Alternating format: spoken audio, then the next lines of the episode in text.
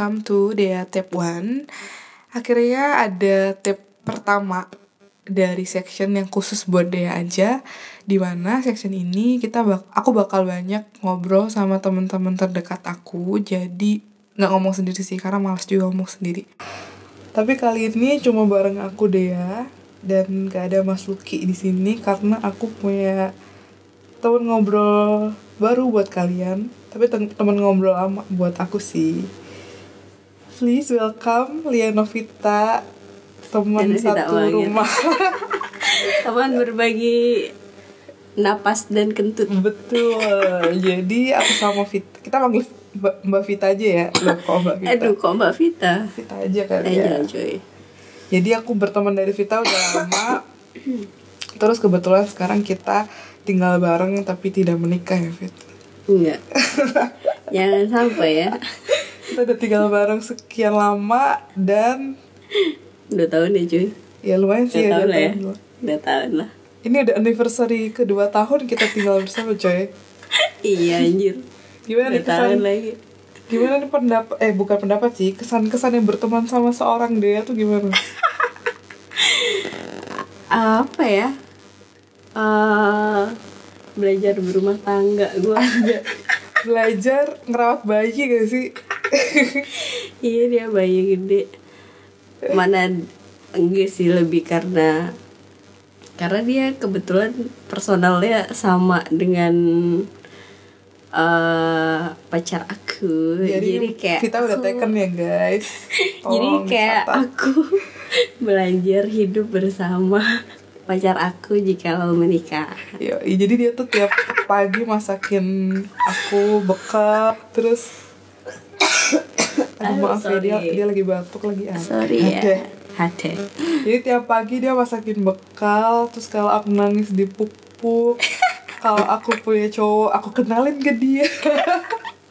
jadi ini temen roommate apa ibu kos sebenarnya ya kos eh sorry ibu kos nggak masakin sih cuy eh betul juga anda anyway aku sama Vita kemarin habis nonton film yang kita udah penasaran banget sih ya sebenarnya film ini udah, udah keluar dari sih. bulan kapan sih yang kita udah, kamu udah. nonton gak jadi itu ada tuh tahun lalu nggak kayak awal tahun ini deh karena oh, waktu itu aku iya sih uh, masih di kantor masih ngantor di Mampang aku kayak gagal terus nonton ini karena lagi sibuk gitu. Iya, terus dia juga uh, layarnya sedikit kan. Terus karena kontroversial iya, banget sih. waktu tayangnya juga nggak terlalu lama kayak nggak sampai sebulan deh. Hah?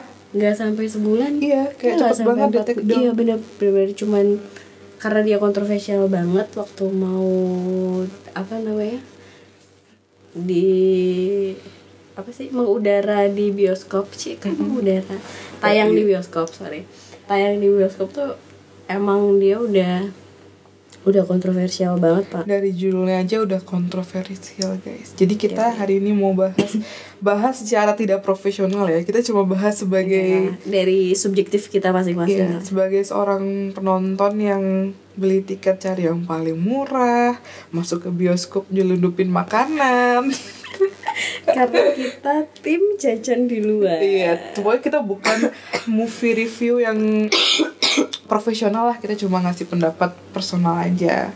Jadi kita mau bahas film yang judul film Indonesia yang judulnya Kucumbu Tubuh dia di FFI Festival Film Indonesia. Hmm.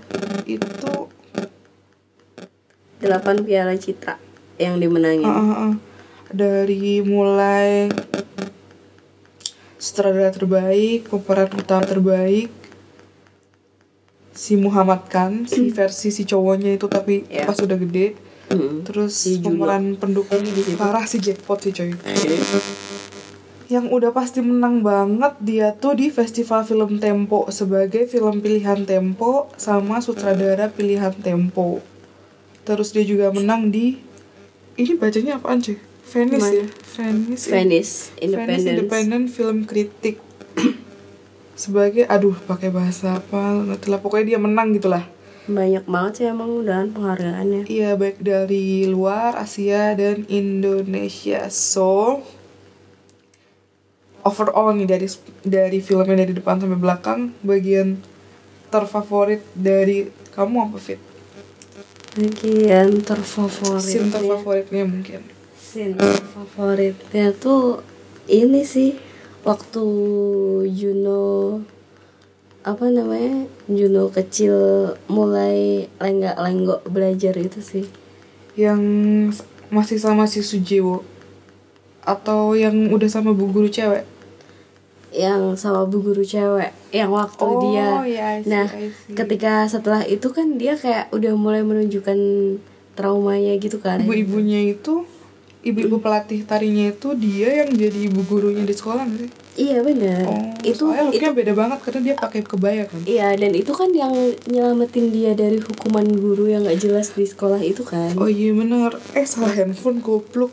Salah handphone aku mana cowok eh lupa bacain sinopsisnya coy. Jadi eh, film Kucumbu, Kucumbu Tubuh Indahku ini merupakan film yang ngangkat eh, tari tradisional Jawa tari lengger ya. Ya Dia angkat tari lengger. filosofinya tari lengger. Mm-mm. terus ada eh, satu anak kecil yang dari awal dia tuh udah kayak ditinggalin gitu sama bapaknya dan ibunya. Kayak ibunya meninggal ya?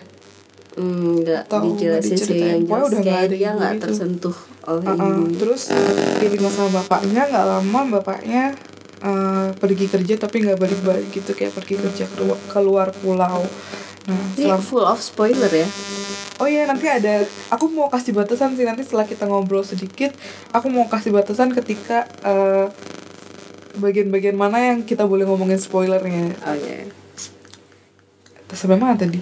Oh iya jadi ceritanya dimulai dari ketika si Juno Wahyu Arjun Wahyu Arjuno ya. Wahyu Arjuno Wahyu Arjuno ini ditinggal sama bokapnya terus dia kayak eh, suka ngintip apa ya kayak penari gitu ya. Mem- Ah, enggak sih apa dia tuh awalnya itu hidupnya itu men- apa pen- pembawaan ceritanya itu adalah semua kehidupan dia itu semua dari ngintip Iya, iya dan itu bener-bener. kayak banyak banget hal-hal yang dia ngintip gitu loh mulai dari intinya dia dia tahu dunia luar dia tahu suatu wawasan baru karena dia entah ngintipnya tuh disengaja ataupun gak disengaja iya. kayak gitu loh banyak banget sih scene-scene yang penyampaiannya itu itu gitu loh Iya, Jadi dia nggak sengaja ngintip tapi malah justru dapet sesuatu gitu, Iya, sesuatu benar. yang buat hidup dia boom gitu. Iya.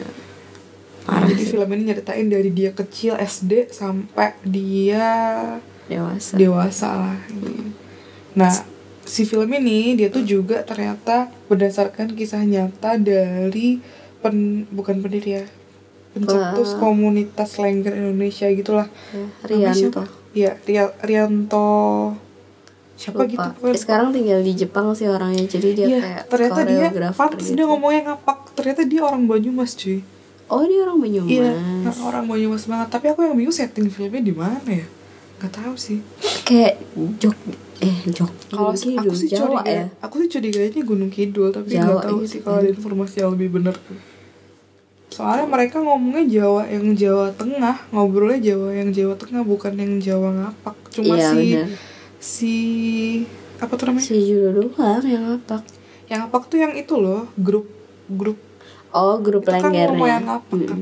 grup lengger yang di desa itu ya Jadi dia based on true story digarap sama sutradara yang tadi aku sempet baca sih sutradara itu emang sutradara yang terkenal dengan sering ngebawa scene pentas gitu loh Fit. Jadi Hmm, Iya dia tuh suka pementasan live gitu Iya, entah tari-tarian, teater Iya. makanya cara dia nge-shoot tuh kayak Ada- pementasan banget. iya dan memang apa ya ciri khasnya Garin gitu loh Aku sih nggak Film-film. terlalu kamu tau film dia sebelumnya aku pernah nonton? pernah nonton film tipenya aku lupa sih apa ya judul karena dulu tuh dia juga banyak film-film festival gitu kan Hmm. nah dulu tuh di kampus ada acara kayak festival film gitu jadi kayak sempet nonton juga filmnya dia tuh emang emang menarik sih nah dia Hmm. memang ternyata ada ketertarikan sendiri kan sama pen sama pementasan ternyata pentas ya. Uh, makanya disuguhkannya sebegitunya itu wow banget sih Iya. tapi aku full sejujurnya dari awal sampai akhir film tuh kayak gila suara sama kameramennya aduh juara banget sih sumpah. Aku suka banget sih. Eh, secara pribadi aku suka kameramen sama eh bukan kameramen ya pengambilan gambar ya. Pengambilan gambar. pengambilan gambar sama eh, suaranya. Detail parah sih. Kemarin tuh aku pas nonton look pertamanya tuh kayak eh pertama ngelihat layar apa beberapa scene di layar tuh kayak de- deja vu karena aku kan dulu sering nonton teater. Hmm. model-model teater kan kayak eh, di panggung yang gede terus eh, tempat tempat-tempat di mana adegan itu dilakuin tuh biasanya disorot kamera eh disorot Iya, disorot apa, banget lampu, gitu.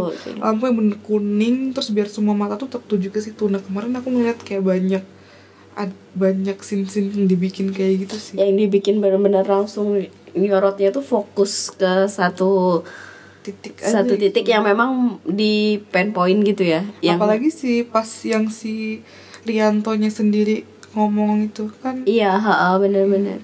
Jadi di setiap uh, fase filmnya kayak dijeda-jeda dengan omongan apa sih kayak omongan dari si Rianto langsung ya. narasi. Narasi ya bener narasi dari si Rianto langsung. Itu itu. Juno Juno Juno.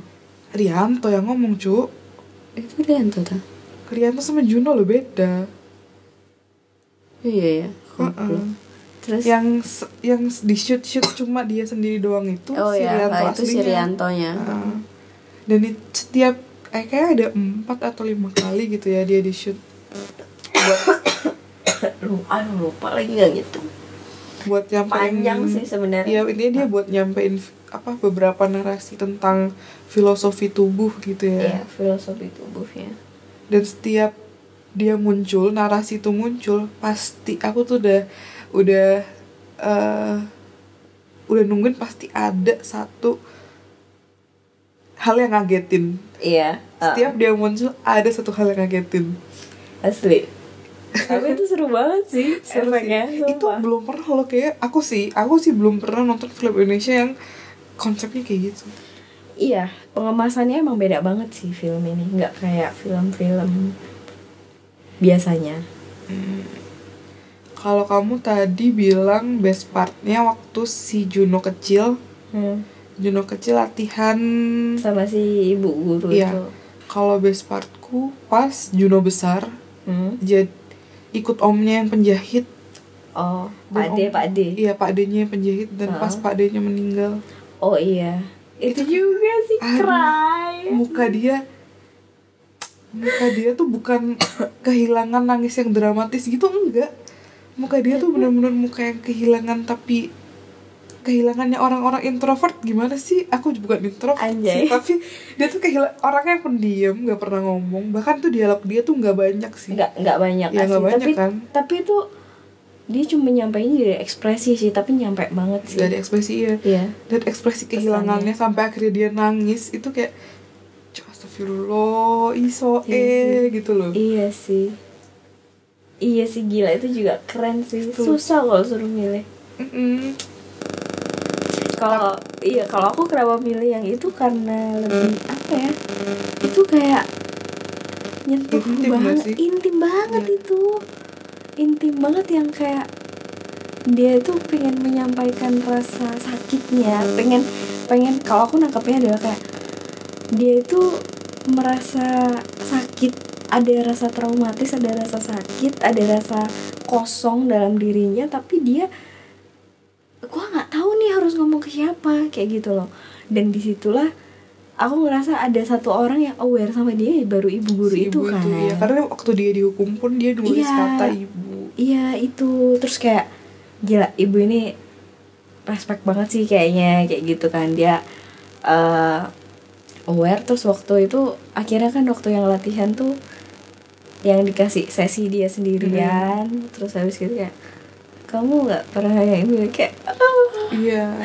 Itu meaningnya dalam juga sih terus salut juga sih sama si pemeran Juno kecil iya loh karena nggak su nggak gampang Nggak gampang, cari nggak anak susah yang- ya. iya salah ngomong ada eh.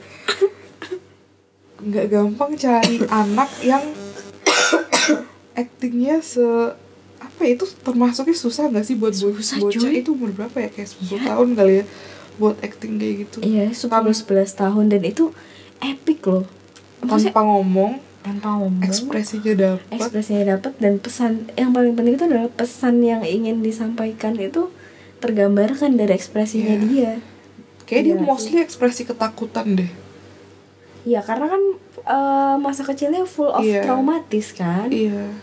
Terus aku sempat denger dulu sih sempat denger podcastnya Showbox nya box to box yang dia emang suka nge-review film gitu tapi aku nggak dengerin. Aku lupa sih de- detailnya pokoknya mereka pernah kayak mengkritik si Garin karena dia ngasih uh, scene awal-awal di mana pas si pelatihnya siapa sih ya cowok namanya?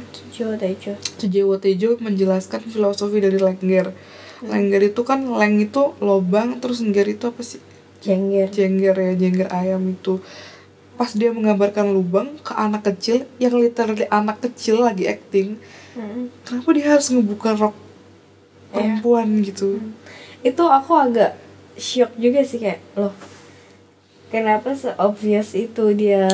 Iya maksudnya emang sih si kucumu tumbuh indahku ini nggak nggak ditonton anak untuk anak-anak kali ya. mungkin dia remaja ke atas kali ya. Tapi yang ikut berperan. berperan lo bocil cuy.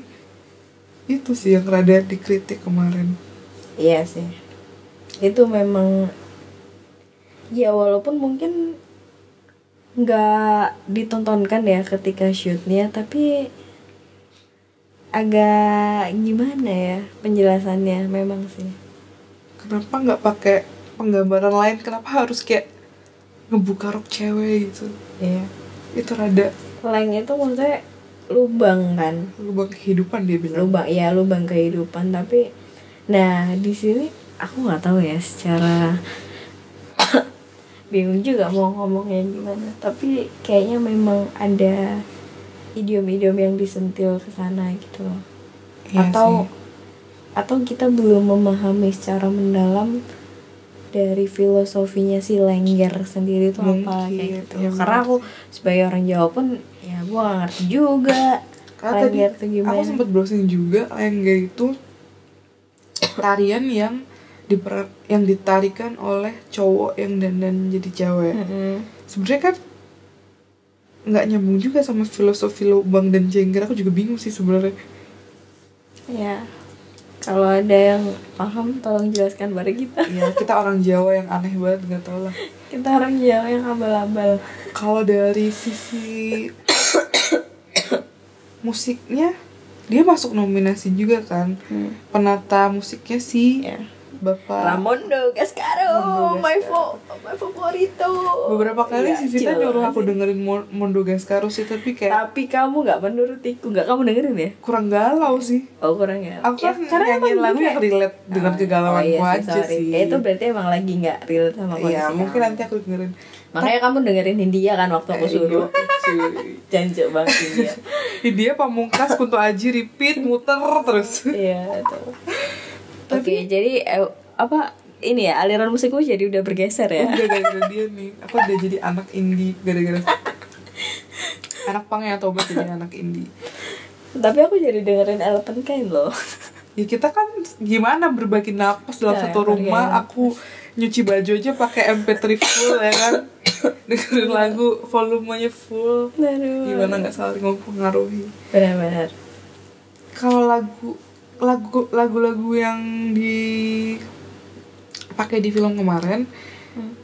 itu ada satu part yang kayak ngebangun banget sih menurutku tapi aku nggak tahu ya ini yang nyanyiin Mondo Gascar atau bukan Yang yang pas scene terakhir-terakhir dia akhirnya free kayak naik naik Iya. Oh gila. itu kayak pas banget lagu dan suasana dan ekspresi muka si Mas itu tuh semua kayak bem udah kayak aduh sem- itu semesta mendukung gitu loh kayak Iya.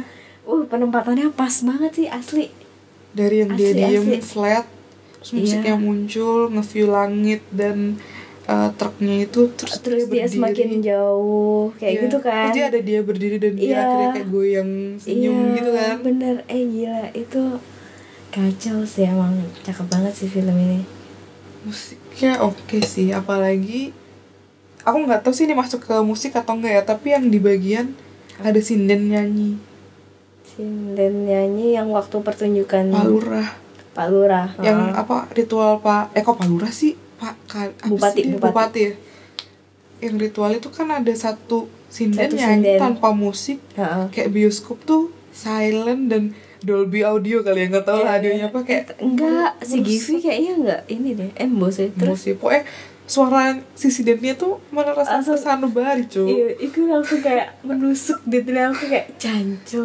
ini penempatannya pas banget. Padahal, padahal adegan sebelumnya adegan tidak senonoh loh. Iya ada kan tidak semangat Oke, dari sini dari menit ini aku mau mulai ngomongin yang berbau spoiler nih mungkin. Jadi buat temen-temen yang kepengen nonton tanpa dibumbui spoiler, ya udah stop sampai sini Ya aja ganti aja, podcast guys. ganti podcast lain lah podcast apa gitu boker rapot lawless apalah Aduh, terus Oke. Jadi cerita si Wahyu Arjuno ini, eh iya Wahyu Arjuno ini kan sebenarnya dimulai dia menceritakan, eh menggambarkan cerita hidupnya yang nempel digambarkan dari tubuh dia gitu kan, Hmm. dari trauma-trauma yang nempel ke tubuh dia, pengalaman-pengalaman buruk yang sampai akhirnya ngebentuk dia jadi pribadi yang bisa dibilang aneh sih menurutku, nggak lazim sih. Gimana sih kayak ngebahas trauma itu maksudnya dia pertama dia selalu ditinggalkan gak sih? Ya eh, iya makanya kan aku bilang dia selalu ditinggalkan. Dia selalu menjadi saksi keganasan. Eh kega- kebrutalan. ke iya kebrutalan. Kayak fuck gue nggak tahan sih kalau jadi dia. Dia bisa mulai gila dari sih. ditinggal bokapnya. Dia mulai dari dia nggak punya ibu. Oh ya nggak punya ibu dulu sih dia nggak punya ibu. Terus ditinggal dia bokap. ditinggal bapaknya. Dia tertarik sama mbak mbak siapa tuh? Manajer tari apa sih nggak ngerti. Manajer apa asistennya si Sujiwo Tejo. Eh dia nggak bukan bukan itu dia ini dia tertarik belajar lengger iya tapi kan ingat oh karena scene- ngikutin mbak mbak itu. Iya sih dia ngeliatin mbak mbak lagi Ah. ngompa motor eh ngompa motor ngompa sepeda. Heeh. itu kan kayak ngeliatin doang gitu kayak menunjukkan kalau si cowok ini tuh kayak tertarik sama si ibu itu eh si mbak itu. Oh. Terus akhirnya tertarik atau lebih ke penasaran ya? Mungkin ya antara dua itu kali ya. Pertama itu yang dia sin di pasar oh iya terus akhirnya dia ngikutin yang akhirnya dan dia ngintip. ngikutin ya terus akhirnya di maksudnya si Sujo Tejo ngelihat bahwa badan tubuh ya badanmu tubuhmu itu adalah sumber kehidupanmu. Ya banyak Ya. banyak banget sih quotesnya aku sampai ya banyak banget pesan yang eh, kita bahas dari awal atau langsung jempali oh eh lah dulu nih yang kehilangan dulu nih. Yang dia kehilangan dulu ya. penyebab dia kena trauma nih mungkin kehilangan nggak dia kehilangan ibu bapak terus Apa, terus. dunia yang dia nyaman kali ya bisa dibilang gitu kali ya. Dia kan baru mulai nari di situ baru belajar.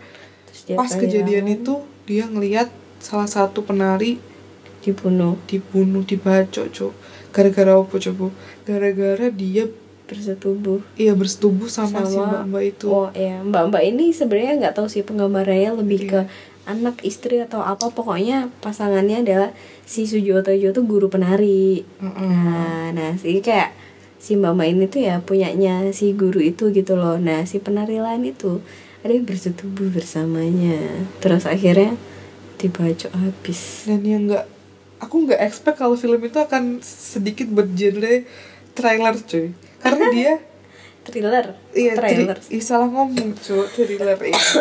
terus aku nggak expect kalau akan ada adegan pembacokan dengan suara suaranya tuh kayak jelas banget gitu loh Nah Suara- ini yang aku mention di awal kenapa aku suka banget sama apa namanya penataan suara sama pengambilan gambarnya.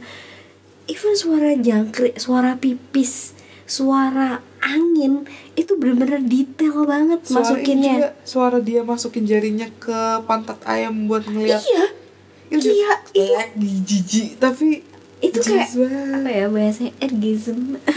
ya tapi ada bagi ada yang Ada bagi- loh, iya, yang- iya benar memang. Makanya itu kayak gila ini tuh too real to be true. Oke. Iya sih itu kayak real banget suaranya.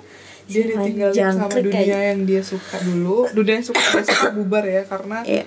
Eh, ada yang meninggal terus mungkin satu ditangkap polisi habis itu dia ikut budenya bule bulenya bulenya yang mirip Danila coy. Iya, aku merasa sumpah. sih dia mirip Danila. Iya, mirip Danila. jadi ada scene ketika dia hidup sama budenya terus malah budenya itu tipikal bude-bude gendut. Enggak gendut-gendut. Sih siaran. Semok body gitu. shaming. Terus dia pakai kebaya Jawa setiap hari everyday pakai kacamata. Terus di eh, kayak digelung ke belakang gitu rambutnya. Hmm. dan entah kenapa dia memunculkan satu scene yang malam-malam. Main si ukulele ibu-ibu ini main ukulele terus nyanyi. Terus aku langsung seketika keinget Danila cok. Danila kalau udah tua gitu kali.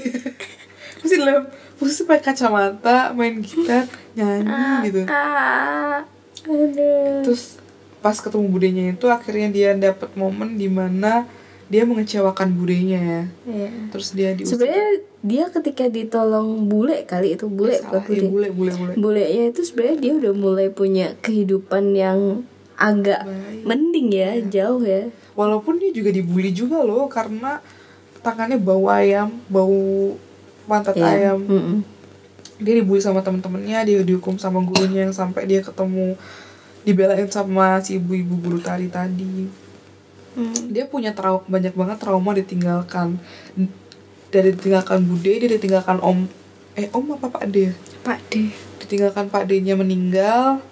Terus ketika dia beranjak re- remaja dia ketemu seseorang yang dia sayang. Tapi oh, seseorang yang dia sayang itu akhirnya meninggal nggak sih tuh orang siapa? Si Randy Pangalila. Enggak tahu. Ya pokoknya pokoknya habis hancur, hancur lah. dia kan Ah. pergi kan pokoknya dia banyak ditinggalkan dan oh ya yang jadi highlight mungkin pas yang penyebab traumanya mungkin pas dia sering dihukum sama bude bulenya. Hmm. karena dia suka ngeramal eh, kapan ayam itu telur bertelur bertelur. secara free gitu ke tetangga-tetangga. Padahal si bulenya ini punya usaha yang mirip-mirip kayak gitu. Jadi kayak dianggap matiin usaha bulenya dia dihukumnya tuh dengan cara Ditusuk tangannya jarum. ditusuk pakai jarum dan itu Aduh kayak gila sih itu dia tiba-tiba lari ke kamar terus jongkok terus kayak apa nggak terima tapi nggak bisa ngapa-ngapain gitu kan Hmm. ekspresi dia yang ya udah Nah dan itu itu dia selalu lakukan setiap sekali dia habis melihat sesuatu yang mengerikan.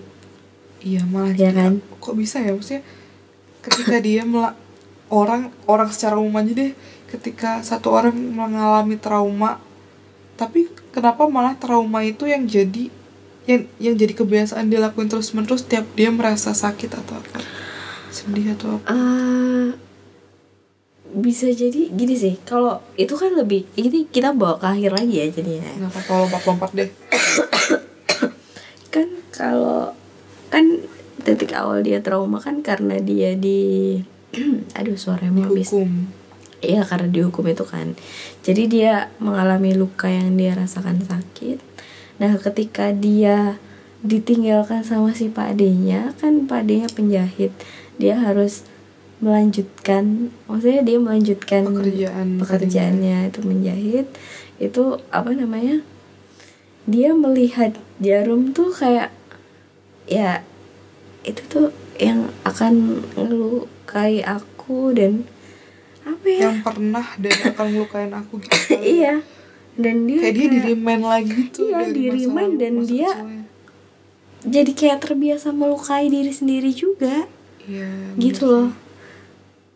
Dan kayak yang balik lagi sih memang highlightnya di sini adalah banyak pesan yang bahwa banyak pesan yang disampaikan kalau kamu itu bekal kehidupanmu hidupkanmu akan menjadi apa itu?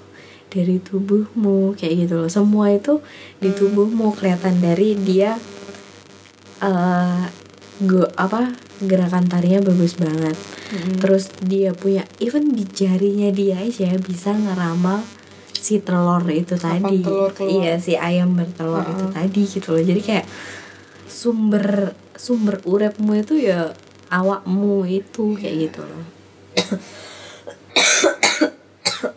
badanmu ya diarymu hmm, ya ya. track apa ya badanmu tuh CV hidupmu gitu. Kayak Cuk, kamu tuh pernah ngapain aja tuh di hidupmu eh, di badanmu tuh tercatat gitu.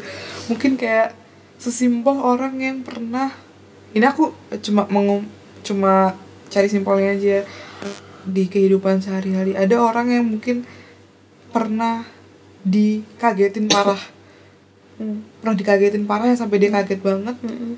pasti ke depan hidupnya ketika ada tik sedikit aja dia Akan kan kaget. auto kayak Hmm. latah atau kaget gitu kan itu akan ke bawah terus dan kegambar jelas dari tubuhnya cuy Iya.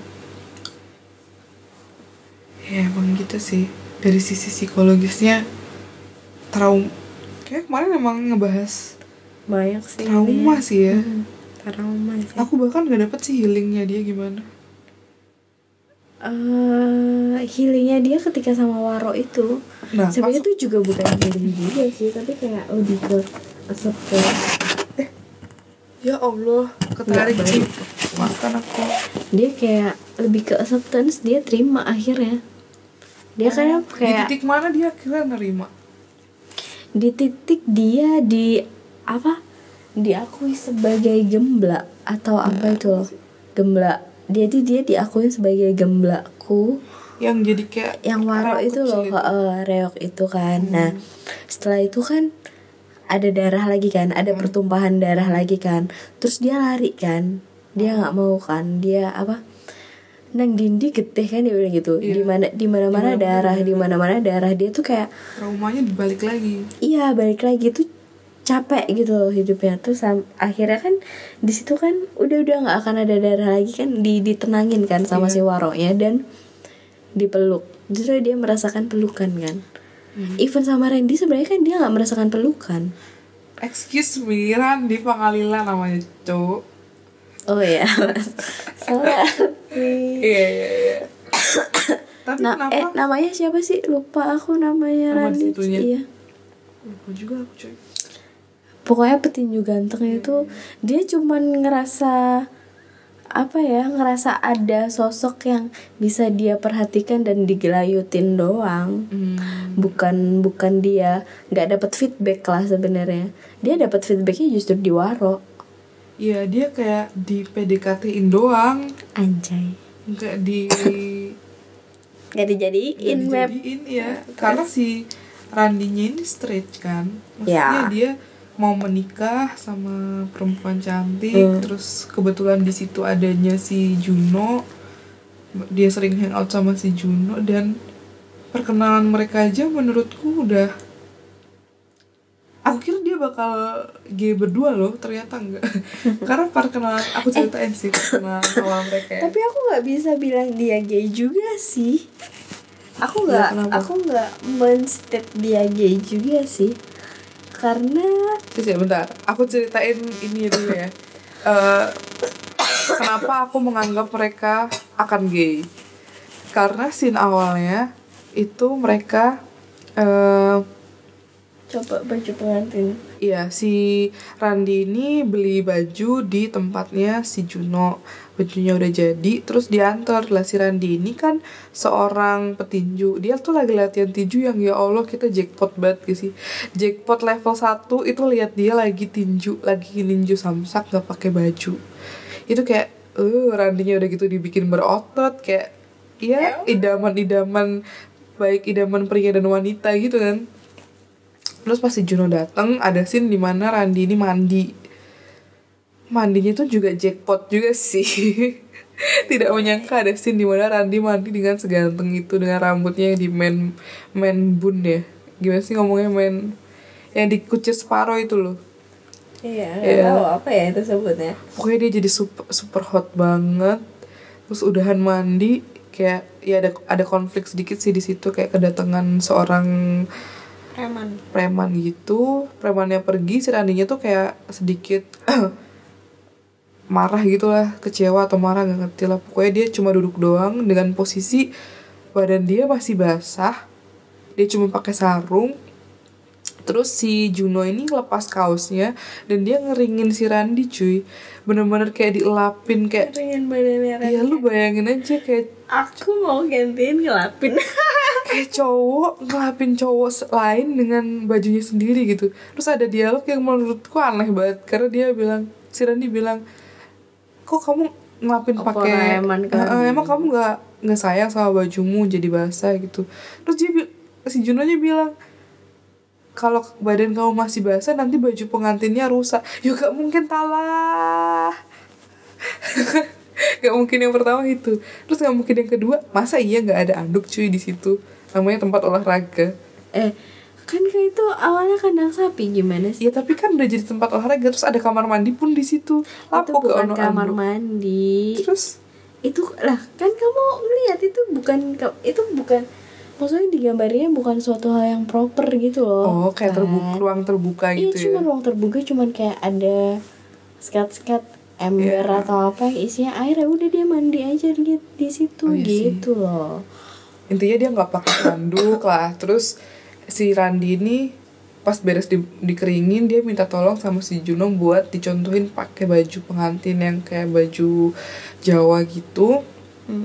terus udah dicontohin kan dan dicontohinnya tuh pas telanjang coy fix pasti telanjang sih itu Iya. si Randi udah telanjang terus enak banget kayak eh, si Randinya bilang aku juga nggak bisa nih pakein baju buat pakai pengantin kain eh kain buat pengantin cewek. wanitaku contohin dong gitu. terus dicontohin sama si Junonya dan itu dipasang di badan dia. Dipasang di baju di ba- dipasang di badan dia. Terus ada adegan di mana dia minta tolong si Randi buat pasangin peniti ke dadanya Mm-mm. ke dada kebayanya itu. Ternyata tapi malah dia ketusuk ketusuk ketusuk si jarum peniti nah itu. dan di situ kembali lagi mengembalikan trauma dia terhadap jarum. Tapi ditutup dengan mungkin traumanya ditutup dengan si Randi kecup dia coy. Kan dia kayak kaget tapi kaget yang seneng gimana ya orang dia pulang-pulang kayak in love Iya, banget ah, gitu. ah, bener. itu sih yang bikin aku ngerasa aku awalnya ngira mereka akan gay berdua. Kalau kamu kenapa bilang dia nggak gay? Aku nggak tahu ya aku nggak ber aku nggak ngerti di sini film ini memang membahas seksualitasnya atau enggak tapi aku nggak berani juga menyimpulkan bahwa dia gay aku hanya berstatement bahwa dia eh dia kebetulan memiliki eh salah bukan memiliki. Dia kebetulan selama sepanjang hidupnya men- hanya mendapatkan peran-peran dari laki-laki. Itu sih. Peran-peran dari laki-laki maksudnya contohnya ketika pas ngapain?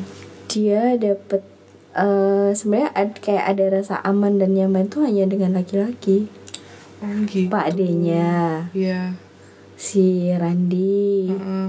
Sujiwo Tejo kan dia trust kan Iya. awalnya sama si sama Sujiwo bulenya aja akhirnya diusir kan iya sama Kina. heeh, gitu terus dan ditutup dengan si Waro itu Hmm, iya sih. Tapi aku bingungnya kenapa sih Waro akhirnya nyuruh dia buat pergi kayak mereka berpisah gitu. scene sebelum itu apa ya Kayaknya sebelumnya yang itu sih pelukan gara-gara da- darah itu sih. oh enggak enggak enggak enggak enggak, Pak, enggak. Lu, Pak Bupati. Bupati. Iya, Pak Bupati. Ya Allah, too much cuk di sini. Maaf, guys. bukan karena udah kondisinya memang sudah tidak memungkinkan terus akhirnya dia disuruh let him go sih Iya sih. itu Untuk keamanan si Iya. Junonya juga ya. eh btw si sorry ini random banget sih jadi kayak waktu apa namanya yang minta dipasangin peniti tuh waro juga kan Iya, iya aku Semua- baru nge. nah kan jadi tuh Semua tuh dari jarum, cuy. iya Entah itu hal Iya sih. menyakitkan, entah itu hal Ada- membahagiakan. Ah, ah. semua dari, dari jarum. jarum Tujuh enam. tujuh enam Iya ya. tuh kan dia memberi benang merah di sini Ih, aku benang merahnya sih. selain tubuh jarum ada satu benda yang membawa kebahagiaan buat dia, tapi juga membawa hal yang nyakitin buat dia. Iya. Sebenarnya bukan membawa kebahagiaan juga sih, tapi lebih ke apa ya? Memberi jalan akhirnya dia bertemu dengan orang yang tepat. Gitu. Jarum yang awal nyakitin dia karena merupakan hukuman Ya. dari bulenya karena dia berbuat Sama salah. akhirnya traumatis. Terus jarum yang dia pakai buat pelampiasan ketika dia merasa marah kecewa sedih kan dia kayak Iya, suka benar, ha. iya dia suka nusuk tangan dia pakai jarum dan jarumnya tuh via mesin jahit cuy. Iya. jadi kedenger suaranya keras terus itu kesel, keselin banget sih sumpah itu kayak kedengeran banget. Ih gila sih itu kayak aduh. Ngeri teta ngeri tetanus doang nih kirain tetanus bakal masuk ke sin ternyata nggak ada iya. Sin, dia kena tetanus. iya. Benar-benar. Semua aku kan juga bilang waktu yang di awal waktu yang Juno kecil kan bilang ya bau itu ya. Oh cok ini tetanus nanti aku kan bilang gitu. Udah kena jarum habis itu ayam. dimasukin ke pantat ayam. Bakterinya masuk lah. Iya bener-bener sih. Benang merahnya dari jarum itu sih dan dari gimana dia merawat bukan merawat sih tubuh dia tuh yang ngalir begitu aja tapi kayak udah tercatat gitu loh semua kejadian-kejadian di hidupnya tuh tercatat di tubuh dia gitu Iya. Dan kayak apa ya? Satu, dua, eh, empat laki-laki dalam perjalanan hidup dia itu nge membekas banget sih. Empat laki-laki tuh yang pertama tuh Sujowo Tejo yang mengenalkan tari lengger dan eh, membuka wow apa namanya menanamkan pemikiran dia bahwa hidupmu itu dari tubuhmu, dari badanmu, awakmu ki halus bener kayak gitu gitu kan. Mm-mm. Itu awal si Sujowo. Terus yang kedua itu si Pak D. Pak Ade ngomongin tubuh juga ya Pak D ngomongin tubuh dan Pak D akhirnya membongkar tanda tanya dia selama ini kenapa bapaknya begitu di sungai. bapaknya tuh mukul-mukul air gitu di sungai. Heeh, dan kayak aduh pokoknya eh, apa ya, masuk-masukin kepalanya juga ke sungai dan pokoknya bapaknya pun ada traumatis kan frustasi banget gitu loh. Nah di situ kan padenya yang memberi pencerahan dan penjelasan. Dan padenya juga yang memberi clue bahwa jangan ragu-ragu kamu harus udah belajar untuk yakin kalau udah sekali yakin ya wis yang ketika dia ngukur baju percaya Randy. percaya dengan matamu Iya. yakinkan dengan hatimu Benar, percaya dengan matamu, yakinkan dengan hatimu. Hati atau nurani gitu kan ya Iya, ngomongnya iya, ya. Mantep ke nganggo hatimu atau Iya. apa gitu lah. Itu. Terus laki-laki ketiga sih Waro Randinya dong. Randi cuk Oh ya, sorry. terus Randi Salah. kenapa Si Randy tuh memberi dia memberi dia apa ya aku bilang ya? Nyaman sih. Iya. Ya sih? Jadi Iya. kayak ngerasa ngerasa ini loh ngerasa eh Randy kan cerita-cerita juga kan tentang kehidupan dia. Nggak Randi nggak pernah dipeluk. Iya, terus dia tuh jadi ngerasa kayak satu, eh gue ada partner. Di situ kan dia habis kehilangan Pak D-nya kan. Jadi Iya. kayak dia ada partner gitu kan. Jadi ada ada teman berkeluh kesah yang meskipun dia hanya mendengarkan, di mana di situ dia eh pasti dia merasa dibutuhkan dan Randy memperlakukannya kan kayak gitu kan kayak kok eh ewangir ke si iki ya kayak gitu gitu loh jadi Iya, iya. kayak dia merasa dia ada di hidup ini di dunia ini tuh masih dibutuhkan. Dibutuhkan ya keywordnya Gitu. dibutuhkan, dibutuhkan itu itu. sih walaupun nggak ada physical touch atau pengakuan apa apa dari Ran- Randi Iya, tapi benar. Randinya ya emang memperlakukan dianya tuh seperti benar-benar menghargai lah menghargai adanya dia keberadaan dia. Terus ya yang keempat ya si Waro itu sih. Waro itu memang gongnya sih final dia bisa menerima menerima seluruh perjalanan kehidupannya dan Iya. bagaimana tubuhnya. Ya akhirnya dia tidur bareng terus dipeluk gitu ya. Iya. Hmm, kayak haus akan pelukan sih sebenarnya dia dari kecil ya kan. Makanya kan waktu Iya. si Rianto ngejelasin kan juga yo ngapa-ngapain tuh dewe yang bilang gitu Iya. lah.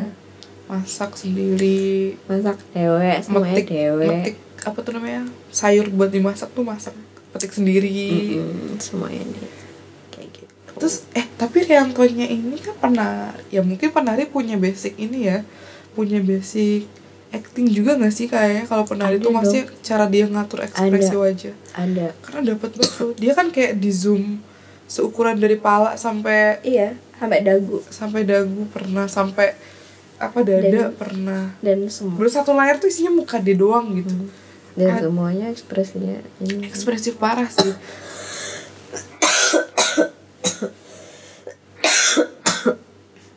dari yang dia niruin suara jangkrik terus dia apa tuh namanya? Yang kedua kan dia ngomongin apa sih lupa. Terus pada akhirnya dia ngebuka sarungnya dan ngeliatin pantatnya cu. Ingat gak sih? Itu kayak shock Iya. banget. Hah gitu langsung lihat oh my god. terus yang dia tiba-tiba udah cerita nari-nari cantik-cantik cerita. Tuh dia tiba-tiba lompat-lompat di atas jagung. Iya, itu yang terakhir. parah. itu yang terakhir kan? iya, iya. itu nari-nari jagung tuh kayak langsung "Eh, ini orang nggak takut jagungnya masuk ke hidung apa ya? Langsung porak-poranda lah kan jagungnya utuh. Kan ada jagungnya dia oh ya di ini diguyur ke diguyur badan. dia kan? Rianto juga keren sih termasuknya mungkin dia emang true performer gitu kali ya. Dia udah yang biasa di panggung jadi dia juga Iya. bisa ngatur ekspresi wajah dia.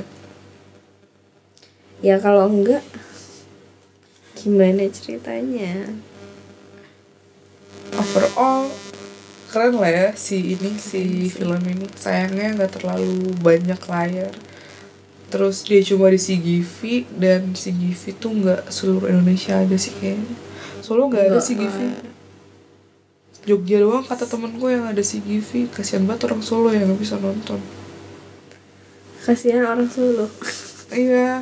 Tadi aku sempat kemarin kan aku pas nonton sempat story tiketnya lagi nonton ini gitu. Terus temenku yang di Solo bilang pengen nonton tapi di Solo nggak ada harus ke Jogja.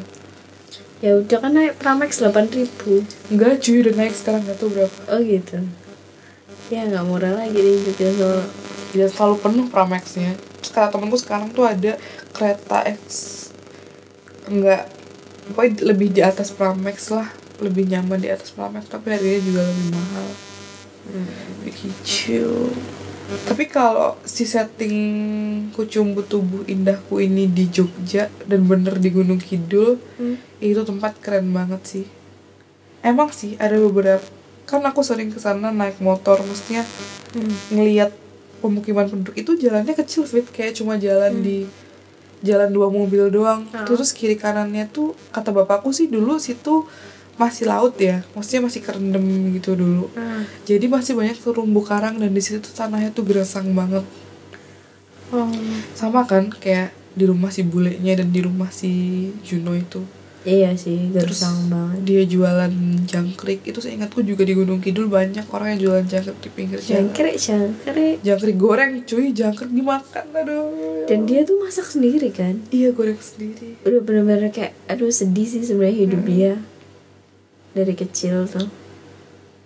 Sama ngeliat tipe-tipe rumahnya. Rumah si Waro rumah si Juno sendiri ini. Hmm. Itu tuh tipe rumah yang aku jumpai di Gunung Kidul bener-bener yang oh. eh, masih apa sih bahasa Indonesia? Kalau bahasa Jawa itu gede. Dari bambu. Bambu tipis Bambu gitu. anyam. bambu, bambu anyam tipis gitu. Terus nggak ada ubinnya. Itu sih kayak bener-bener kayak aku lihat.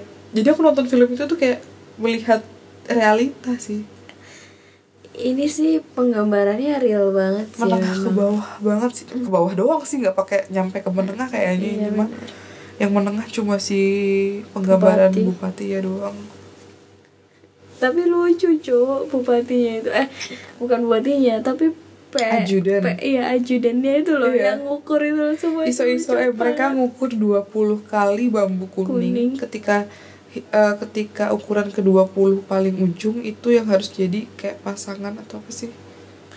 Aku nggak paham sih pokoknya persyaratan dari dukunnya gitu. Tetap ada komedinya sih. Iya tetap ada komedinya sih.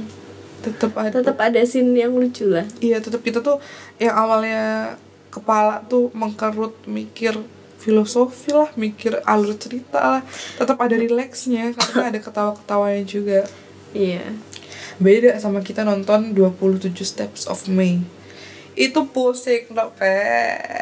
Sedih sih kalau aku itu bener-bener ngerasain dalam banget. Tenggelam doang nggak pakai nafas sih.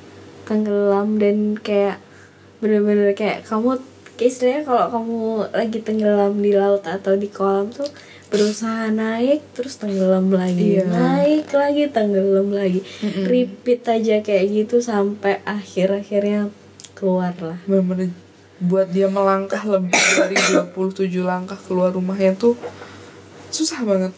Sampai akhirnya dia bisa jalan di jalanan kampung di rumah. Ya apa ya? Apa? Ki pindah bahas dan step aduh ya, dulu jangan dulu deh. Kita butuh satu ini kayak buat bahas itu. Tapi itu dulu. Itu lumayan recommended sih buat kalian yang jarang nonton film Indonesia dan mengira film Indonesia itu udah tinggal kayak film-film semacam horor mesum. Enggak Oh. film Indonesia tuh sekarang udah eh sama ini sih parah. ada yang kayaknya perlu kita bahas cuy. Mantan mantan. Mantan mantan. Iya sih. Ih anjir. Udah keluar di hooks guys kalau kalian mau nonton. Itu kan kita benar-benar full perjalanan di Gokar ngobrolin Iya, banget mantan mantan tuh sampai rumah juga. Iya. kacau sih itu film. Besok- mena menampar banget sih.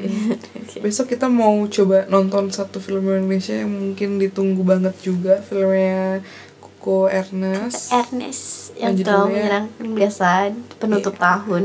Imperfect semoga keren. Terus kalau nggak males sih kali aja kita bikin lagi ya fit. Ya oke. kayak beginian. Kalau nggak males dan sibuk sih. Hmm. ada lagi nggak yang mau dibahas dari Kucumbu apa ya? Aku tadi sempat iseng browsing Hmm? si pemeran Juno dewasa. Karen fotonya foto dia sekarang. Maco parah. Sumpah Ya. dia sekekeren di Pangalila cuy badannya Nah, tapi kan waktu dia sama Randi pun badannya udah keker. Ih, Emang. Iya mungkin dia kebanting kali ya sama Randy yang lebih Iya, jadi kayak tapi aku notice itu gila badannya keker banget sih. Iya terus Kayak dia full of otot gitu loh. gondrong dan berkumis gitu kayak udah udah beda banget dari si Juno yang aku lihat di film kemarin sama Juno yang aku browsing hari ini tuh kayak oh, udah sosok yang berbeda tapi face-nya masih ini sih Iya sih. pas dia didandanin pakai apa tuh namanya? Apa tuh yang di kepala? Konde. dan pakai konde terus make up full. Kenapa? apa ya? Mag- aku sih kesannya magic gitu sih. Nggak kayak cewek nggak Iya, cantik. tapi nggak kayak cowok ju- cowok juga. Ya jadi kayak bener-bener Iya, penampakan lain aja, gitu nggak cewek banget In between. banget. Oh kemarin dia ngomongin senja gak sih ngomongin. aku adalah senja Iya, gara-gara aku ngomongin between ya. Ha-ha. Karena yang apa sih kata-katanya kemarin yang selalu di antara titik abu-abu gitu titik kan. abu-abu selalu di antara pagi dan eh salah siang dan malam sore dan gelapnya malam kayak gitu-gitu. yang kayak cuma sebentar terus abu-abu cuma sebentar di titik abu-abu cuma sebentar Itu tapi aku eh, indah itu penggambaran sepertinya di mana sin-sin proses perjalanan hidupnya dia kan Hmm. ya sih kayak dia sama padanya sebenarnya dia menemukan keindahan tapi bentar oh iya dia sih. sama dia sama bulenya nemu senangnya tapi bentar Mm-mm, sama kayak juga iya bentar. iya benar ketika dapat senang udah hilang kayak gitu loh kayak redup lagi Iya sih. gelap lagi kayak gitu. Mhm. jadi dia memang selalu ada di posisi Senja in, banget. in between gitu. ini literally senja yang gak indie indian ini senja beneran. Bukan kopi dan senja ya Bukan kopi cuy. senja cuy. Iya benar sih. Gitu. Dia sih dia benar-benar memang in between sih posisinya dia. Banyak banget quotesnya yang bisa dipakai hidup. Aku gak kebayang sih si kehidupan Rianto sekarang tuh sedewasa dan sehebat apa ya pemikiran dia sekarang. Kan ini kisah nyata dia. Heeh. dia yang kebentuk dari kecil sampai segede ini. Oh ini tuh orang beneran hidup loh. Iya benar mengalami hal kayak gitu sekarang Aduh, pasti dia sekuat sih. apa gitu. Iya benar pasti tough banget.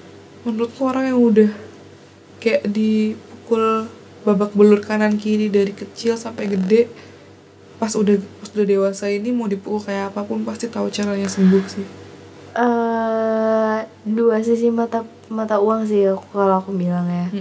Dia akan satu satu sisi dia akan tough banget.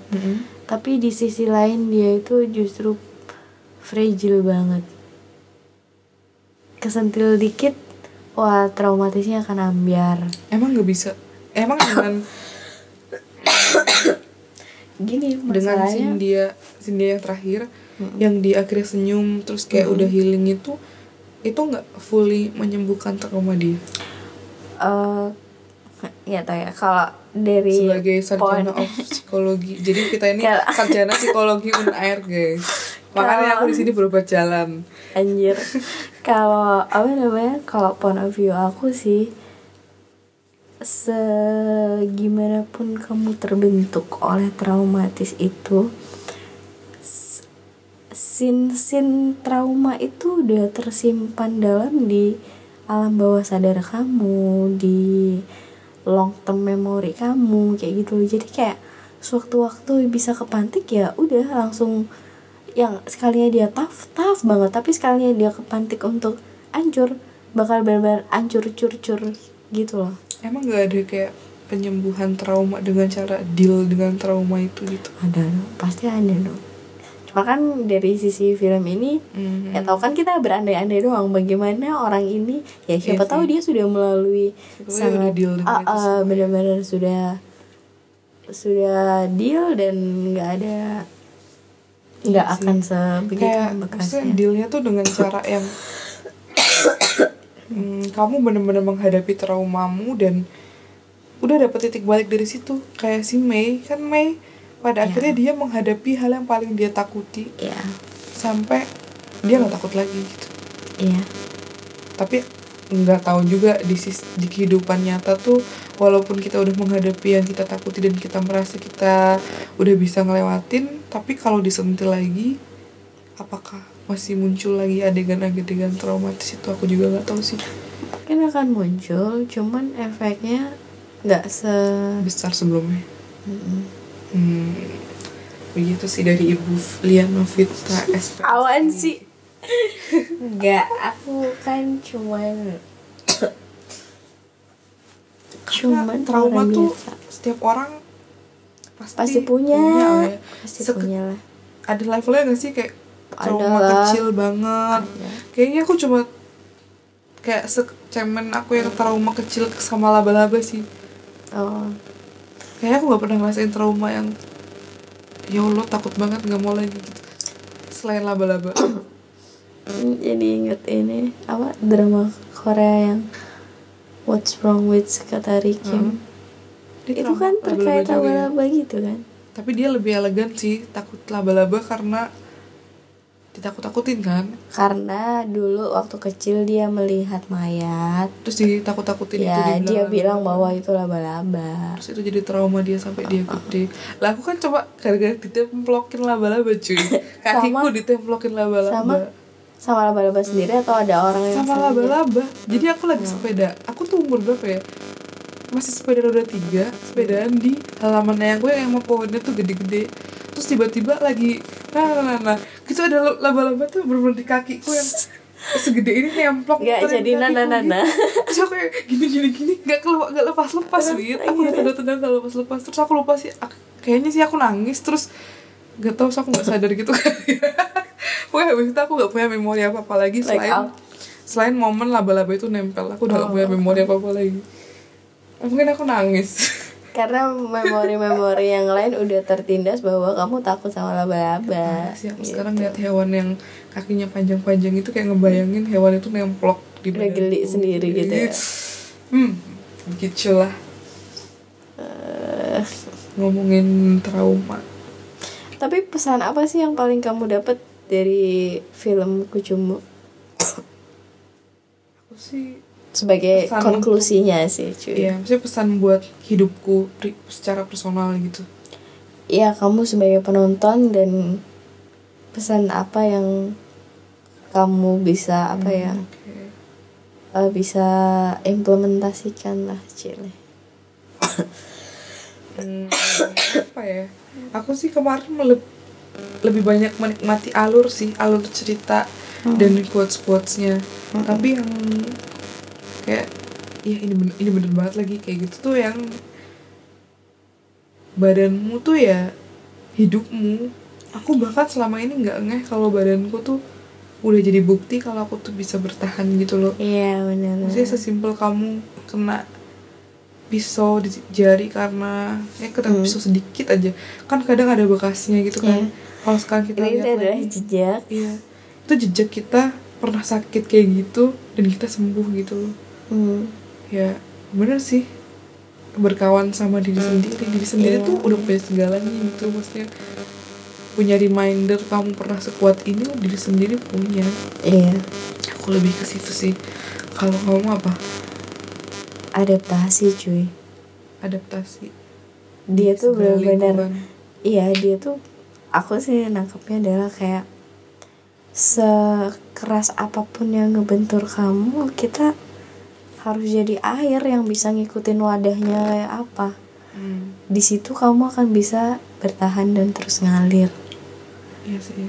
Adaptasi sih. Bener dari sih. awal tuh bener-bener kayak wah hidup dia tuh nggak ada yang gampang loh. Dan si Juno nggak pernah nolak. Nggak pernah nolak. Nggak pernah nolak nggak pernah marah nggak pernah menyerah. Maksudnya kayak ah bodo amat.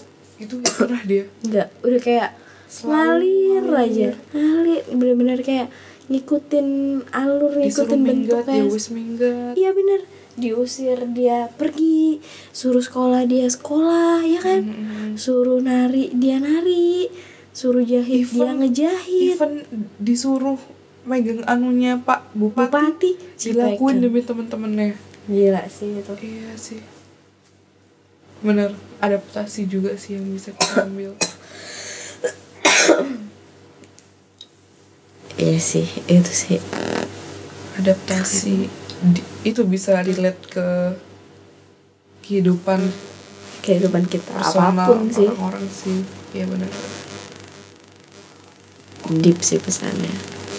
Oke mungkin yang belum nonton Aku nggak yakin sih film ini bakal keluar di Hooks atau di Flix atau di apa aku nggak tahu karena menurutku film ini inklusif banget ya nggak sih Iya. apa sih inklusif apa eksklusif? Aku makin malam makin bodoh. Ya? Eksklusif cuy. Iya film ini tuh nggak banyak keluar di bioskop layarnya sedikit. Dan aku nggak yakin juga di situs-situs ilegal di internet sudah ada atau belum. Dan gak yakin juga banyak yang mau sih. Mm-mm. maksudnya nggak untuk tertarik Iya, iya. nonton. sih. Tapi kalau kalian penasaran nonton ya cari CGV terdekat. Kalau kalian di Jakarta mungkin pantengin Kino Saurus. Ya, karena Kinosaurus. kan kemungkinan diputar di dia- dinosaurus Kinosaurus sering sih muter-muter film Indonesia yang keren-keren dan udah lama gitu dia sering putar. Tapi kalau yang belum nonton yang mungkin susah cari CGV atau susah ke Kinosaurus tanya dia aja nanti dia ceritain sampai selesai. Oke gitu aja dari Dea sama Vita karena udah sejam. Terima kasih. seriously Udah sejam oh lebih tiga menit. god bacotnya sejam Terima kasih sudah mendengarkan Posudara Podcast. Sampai, Sampai jumpa, jumpa di episode selanjutnya. Thank you ya Fit. Bye bye. Bye-bye.